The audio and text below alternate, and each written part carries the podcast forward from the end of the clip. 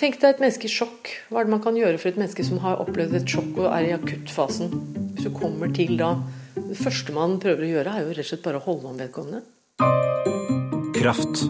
En podkast fra NRK P2 om livet ditt. Det er noen ganger man kan tenke prat, prat, prat. Det hjelper ikke å si noe. Bare hold kjeft. Hold rundt meg. Nå er det bare trist. Man kan ikke si noe nyttig da. Når folk ligger på dødsleie på slutten av livet, det er ikke alltid man når frem med ord. Men holde en hånd eller holde rundt, det kan man gjøre. Berøring er livsviktig, sier familieterapeut og psykolog Eva Tryti. Noen kan faktisk streve veldig gjennom livet uten å vite at eh, noe av det skyldes at de ikke fikk den fysiske berøring de trengte som spedbarn.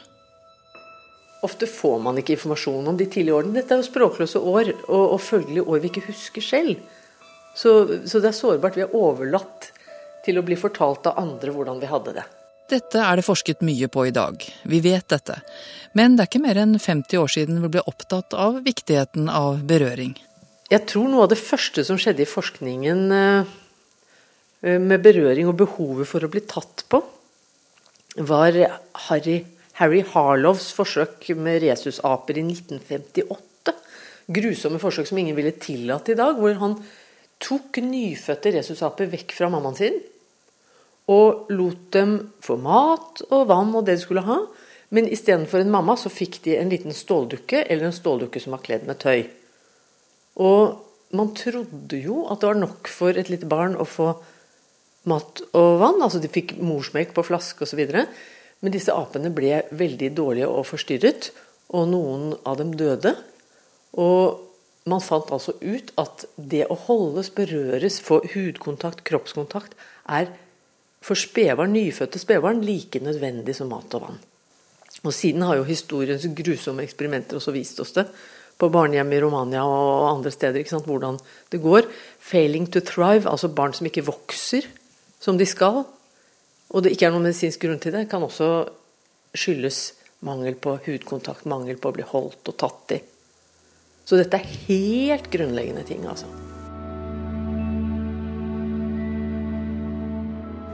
Men hvis man begynner å holde på et barn som ikke har blitt holdt, altså som har mistet vekt og blitt sjuk osv. Hvis man begynner å holde på det barnet, ser man da at det begynner å vokse igjen? Ja, det gjør man. Og, og, man ser forresten også noe av det samme. Det fins forskning eh, jeg skal ikke gå i detalj, men det finnes også forskning på premature, hvor viktig det er for eh, bedring av overlevelsessjanser at de blir holdt mest mulig.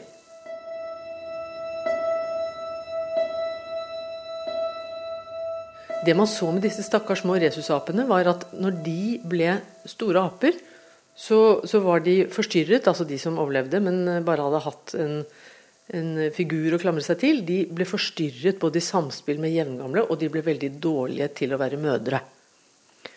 Men man så også at det kunne repareres en del ved at de var sammen med mindre aper.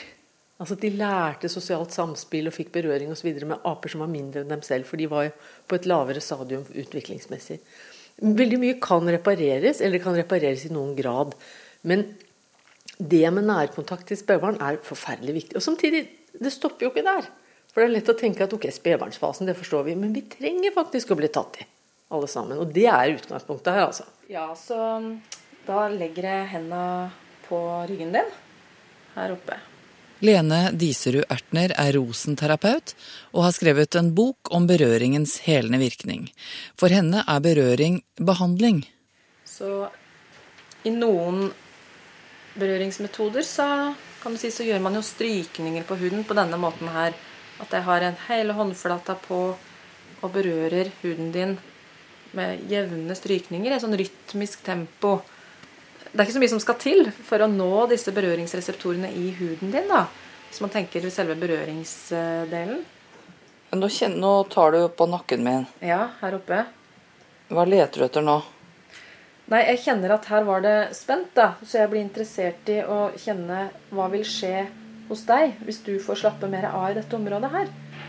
Så her har musklene dine anstrengt seg. Kanskje litt over tid, da.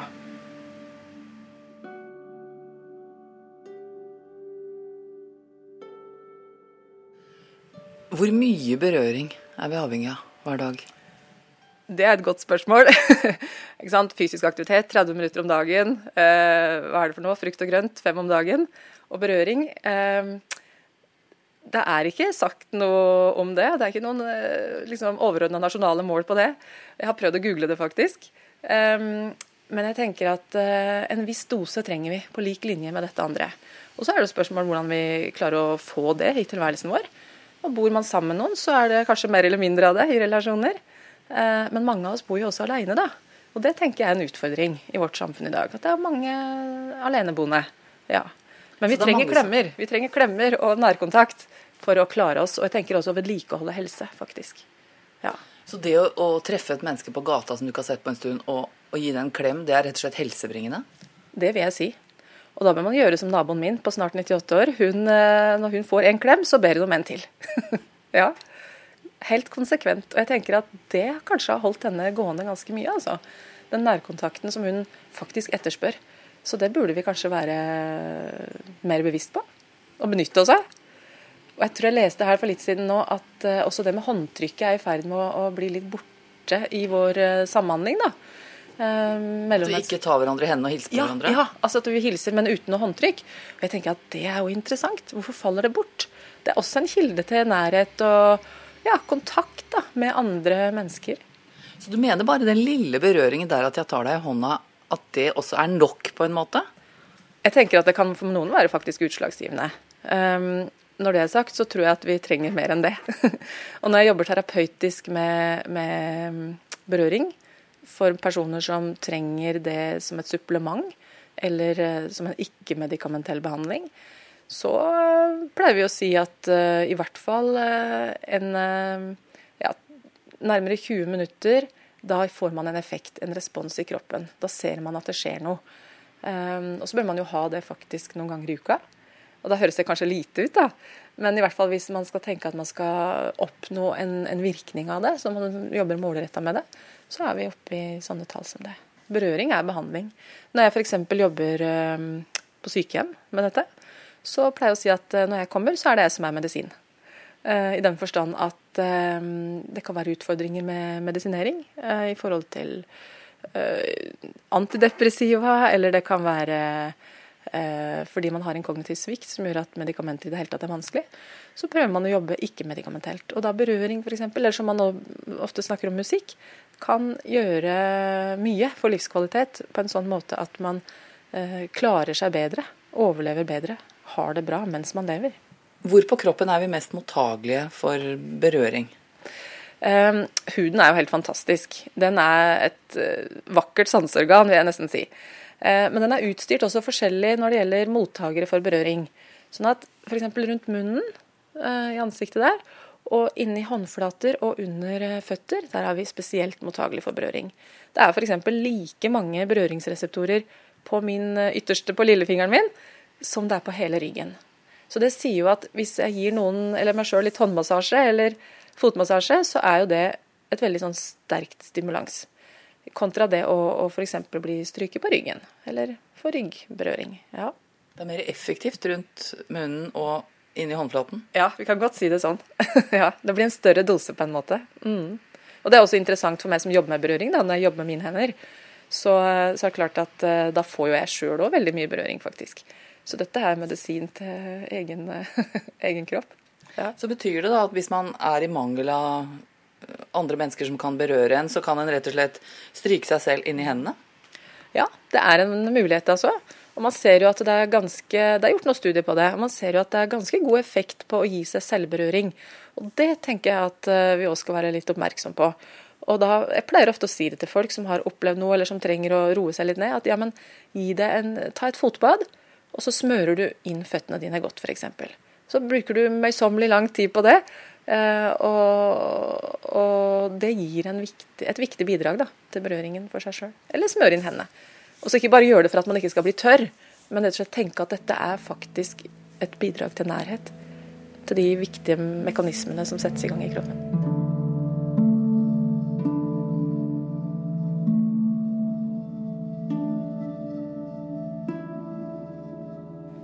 Nå er det sånn at Man har forska veldig mye på synssansen vår hørselssansen, og man vet veldig mye om det.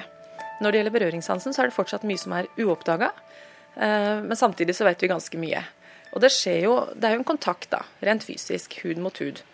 Um, og det man har sett i flere studier, er jo at det fins forskjellige fysiologiske reaksjoner. Det kan være um, at blodtrykket går ned, blodsukkeret kan gå ned. Og ofte så opplever man at musklene slapper av. Man kan kjenne at smerte lindres. Um, at blodsirkulasjonen øker, gjør det også. Og pusten kan definitivt òg forandre seg, eller også bli roligere. Så det skjer mye helt uh, fysiologisk. Hvis man får mye berøringsbehandling, så kan man også se at det påvirker jo tarmfunksjonen. da. For huden er vår ytre hud som jeg berører, men den forsvinner jo f.eks. her ved munnen inn til den indre huden. Så det er en, um, en sammenheng der også. Um, rent psykologisk så har man i studier faktisk også sett at da man føler seg bekrefta, at man kan kjenne seg sterk, at man også lindrer angst og uro. Um, og at man liksom uh, kjenner på velbehag. Um, og så kan man få opp minner fra, fra, tidligere i livet også. Ja. Men er dette en virkning akkurat når du holder på, eller er det en virkning framover? Den virkningen den uh, avhenger nok av litt berøringstid.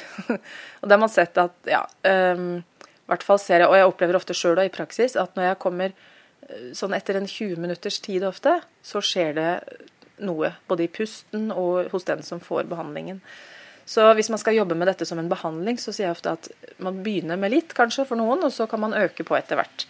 Eh, men ofte så varer jo en hel kroppsbehandling eh, ja, tre kvarter ofte. Og etter 40 minutter så ser man f.eks. at noe av den hormonelle responsen som man kan oppnå, den flater seg litt ut. Sånn at maksimalt 40 minutter sier man skal være veldig bra, da. Betyr det at når det har gått 40 minutter, da, så har på en måte kroppen ladet seg opp? Da er man ferdig? Ja, kanskje der og da, den ene gangen. Um, og så vil jeg jo tenke at um, Og det ser man jo, at um, da varer ofte effekten av den behandlingen ja, utover den dagen, eller også kanskje til neste dag. og de opplevelsene du har hatt, de tar du jo med deg uansett. Men sånn fysiologisk tenker jeg på da. Så hvis man skal tenke over tid, så bør man repetere dette her, da. Og det som er spennende, det er at man ser effekten av berøring det er liksom som et sånt eh, Jeg pleier å sammenligne litt med et slags jernlager. Altså du, du får én behandling, men du må ha flere for å fylle opp det lageret litt. Og når du har gjort det, så kan den um, virkningen holde seg litt over tid. Men hva skjer med oss hvis vi går dag etter dag, uke etter uke, mm -hmm. og ikke blir berørt av noen? Ingen tar på oss. det som kan skje, er jo at man eh, nesten i verste fall svinner litt hen. Og da tenker jeg på at man kan føle seg isolert, man kan føle seg deprimert utafor. Um, ja, og huden kan jo også lide under det. Dvs. Si at uh, næringsopptaket f.eks. kan bli dårligere. Uh, man kan også føle mer smerte enn uh, man kunne hvis man hadde hatt den næringen. For det man også vet da, og som man har visst faktisk i mange år, det er jo at um, berøringssansning på lik linje med f.eks. Eh, varme og kulderespons på huden, eh, gjør at eh, smerten ikke når like godt fram til hjernen. Så klart at Hvis man har en mangel på berøringssansing, så vil det faktisk kunne være noe som forårsaker at man kjenner smerte mer. Og motsatt. Får man en berøringsbehandling, så kan smerten altså reduseres. Vi er kanskje vant til at man legger på en varmepakning hvis man har litt vondt i skuldrene. Så kan man kjøpe en sånn rispose og varme opp den, og så legge den oppå her. Det er jo lindrende. Eller når man har fått uh, skjedd noe på idrettsbanen, så legger man på ispakning. Så tenker man hm, det skal også lindre. Så det er en måte å, som vi er kanskje vant til å bruke det systemet i kroppen på. Men man skal også vite at berøringen sender på tilsvarende måte signaler til hjernen om at man er berørt, og det, det kommer impulser på en frekvens som, som, kommer fram til hjernen, for å si det enkelt, eh, tidligere enn smerteimpulser. Så klart at hvis det ikke fins impulser på denne kanalen, denne frekvensen, så kommer smerten eh, raskere fram, da, for å si det som sagt enkelt. Eh, så vi kan faktisk demme opp for smerte ved å gi berøring. Og Det har man også sett i studier. Man har f.eks. pasienter som har fått morfin for å lindre smerte. Og så har man gitt berøringsbehandling, og så ser man jo faktisk at de har trengt mindre morfin. Det er spennende. Men betyr det også da i mer ufarlig sammenheng. At hvis man slår seg på kneet, og, eller, og så gjør man jo ofte sånn Å, man gnir. Vi gjør det, vet du. Vi gnir. Enten så gjør vi det sjøl, eller hvis små barna har gjort det, så blåser vi på, og vi gnir, og så sier vi å, ja, men det går bra, ikke sant. Og det er akkurat det. Så dette er jo en menneskelig respons. Så det er jo noe vi kan, det er noe vi veit. Det hjelper det å gni, altså. Det hjelper. Det er ikke tull. det hjelper. Og vi kan det fra før. Men du kan si at Når jeg jobber med berøring som behandling, så jo, kan jeg tenke at dette nesten settes litt i system, da, denne kunnskapen. Mm. Men hvis, hvis en venninne eller en venn sier at 'å, jeg er så stiv i skuldrene, jeg har hatt så slitsom dag', Ja. og jeg ikke føler meg som noen massør akkurat, men hvis jeg bare gnir litt over skuldre og, og nakke på den personen, vil det også hjelpe? Det kan det, og det du kan, som er lurt, da, det er å spørre skal jeg for holde, skal jeg legge en hånd på skuldrene dine. Skal jeg, kan jeg holde litt på der? Kjenne. Skal du få kjenne, så skal jeg bare gjøre det godt for deg. Det er en mulighet. Så bare holde kan Bare hjelpe litt. Bare holde stille kan også hjelpe. ja. Tilbake til familieterapeut og psykolog Eva Tryti. Hun treffer stadig mennesker i samtale hvor berøring blir et tema. Og noe av det jeg syns jeg ser, som jeg tror har en del å gjøre med at vi blir tatt for lite på, det er f.eks. Det høres sikkert dumt ut, men one night stands. Jeg tror de veldig ofte dreier seg om mye mer enn sex. Og noen ganger dreier det seg ikke om sex i det hele tatt, og det gjelder også menn. Altså Behovet for å ligge i armene til noen. Det er klart du er på byen, promillen stiger, motforestillingene blir mindre. Du ender opp med noe du egentlig ikke er interessert i, bare for å ligge i armene til noen.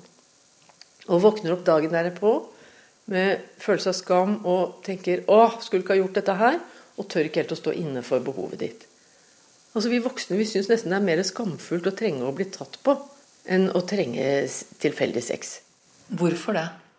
Ja, hvorfor det? Altså Vi liker jo ikke å være sårbare. Vi skal være så flotte og flinke. Og sex og sexbehov er liksom en del av den pakka. Og leve livet. Mens det å være sårbar og trenge at noen bare tar på deg, bekrefter deg fysisk, det virker barnslig og primitivt og, og litt sørgelig.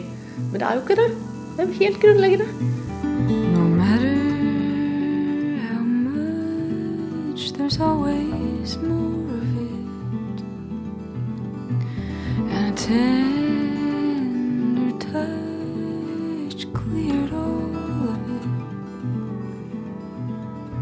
I said nothing, you said nothing, we did Mangel på berøring er også et problem for folk som lever i faste parforhold, sier Eva Tryti. Så det er jo sånn jeg hører om, i hvert fall hver uke, par som har pleid å ta mye i hverandre og ta godt på hverandre og bekrefte hverandre på den måten, og som faller ut av det. Og, og kommer i dårlige sirkler i parforholdet hvor det der blir stående stille. Og Det kan føles ekstremt ensomt, for da vet, jo alle andre i gåseøynene at man øh, er vel forsynt og har en partner og i prinsippet skal ha det man trenger. Og man kan ikke gå ut og be om det, syns man da. ikke sant? For, for man skal jo være monogam, og man skal jo ikke drive og tulle og tøyse med andre. Men, eh, men det er viktig å få i gang. altså Ikke bare sexlivet, men berøring. Og ofte kan jo det floke seg i hverandre òg. At hvis én er mer på dette med sex enn den andre, eller én oversetter sine behov mer til det seksuelle enn til berøring, så kan den som ikke er så sexinteressert, føle at det å begynne å ta i hverandre straks blir et press om sex, og så, blir, og så faller man ut av begge deler. ikke sant? Faller ut av, bruker du et eh, begrep. Ja. Opplever du det stadig vekk? At folk slutter med det? At de slutter å ta hverandre og har lite sex, ja, massevis. Det er jo et av de store, altså det største sexproblemet blant vanlige par i dag, er jo at de eh, ser ut til å mangle lyst, at de har for lite sex. Og de er slitne og sånn, men, men berøring burde jo ikke være for slitsomt. Men det er vanskelig å gi, gi hverandre kjærlig berøring når man har korte lunter og det er en del krangling osv. Men det er også en fin vei inn til hverandre igjen. For vi trenger det så innmari. Så er det sånn at man egentlig bør ta litt på hverandre da, selv om man ikke har så gode følelser for hverandre? Det er absolutt en måte å komme inn til hverandre på igjen. Selvfølgelig man kan gjøre andre ting. Gjøre hyggelige ting sammen. Begynne å skru av skjermer og, og ha litt samtaler osv. Men å begynne å ta i hverandre er ofte det enkleste. Altså, det er, den første, mest grunnleggende kontakten før man har språk, før man har noe annet. Eller når man ikke lenger har språk, så er fortsatt muligheten til god berøring der. Men mange tenker kanskje at eh, Hvis jeg skal berøre et annet menneske, så må det være for at jeg har veldig gode følelser for Ja. den andre. Og det er det jo ikke sikkert man har. Nei. Og, og det er jo også viktig og, og at vi lager skiller i våre egne hoder. Det er ikke bare i parforhold man kan føle at det floker seg litt til mellom seksuelle impulser og, og bare å være vennlig og ta på på en god måte. Ikke sant? Og i tillegg så har vi den derre norske sjenansen at vi liker å ha litt avstand til hverandre og skal helst ikke berøre hverandre, og vi trekker benet unna hvis vi kommer inntil hverandre på T-banen osv. Så, videre. så her må man rydde opp litt i sitt eget hode og tenke at for det første, det at noe eventuelt vekker seksuelle følelser i deg eller den andre, det, det betyr ingenting. Altså En følelse er ikke det samme som å handle på det. Du kan godt få vekket en seksuell følelse eller en vag seksuell følelse uten at det betyr noe som helst, eller er noe feil. Og det å gi god berøring, det kan føles mekanisk kanskje i startfasen, hvis du skal gi god berøring til en klient som ligger der og er språkløs f.eks., eller til en som er i sjokk, holde rundt en som er i sjokk. Men etter hvert som du merker at vedkommende setter pris på det, så er jo det en måte å være menneskelig på. Men man må jo like vedkommende ganske godt for å orke å berøre det. Nei, egentlig ikke. Det er nok en vanesak. Altså man, det er kanskje litt vanskelig hvis man misliker folk, men man misliker jo ikke de fleste mennesker. What am I gonna do with everything I know? But I set it out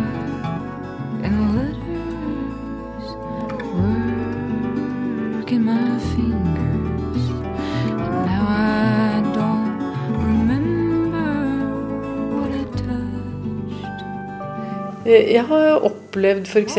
at svært overvektige klienter har hatt det som en stor terskel å bli tatt på andre mennesker. At det har vært et ordentlig gjennombrudd når de har våget seg på massasjebenken f.eks.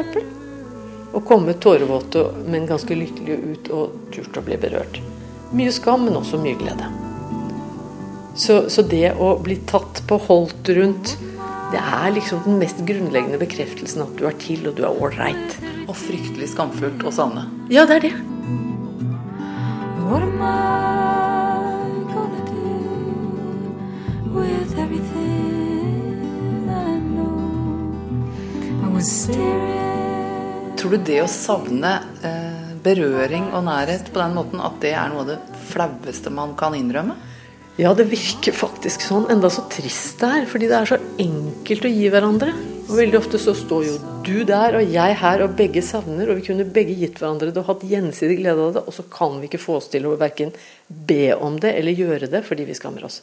Eller vi vet ikke engang, for vi syns det er så skamfullt at vi vil ikke vite det. Mange bruker jo kjæledyr til det. ikke sant? Og dyret trenger du også. Så, og, det er det jo også forsket på. Hvordan det å ha katt og hund osv. minsker risikoen for hjerteinfarkt og får oss til å ha det bedre psykisk. I München har de en egen kattekafé for folk som er alene og savner å ta på noen. Kan du komme og stryke på kattene? De har fire kosete katter som går rundt og, og, og betjener gjestene. Og det er for at folk skal ha noen å kose med? Ja, rett og slett. For noen år siden var det noen som prøvde å lage en koseklubb for voksne hvor det ikke skulle være lov å ha sex. Og jeg vet ikke om de overlevde lenge, men det er jo egentlig en ganske søt idé.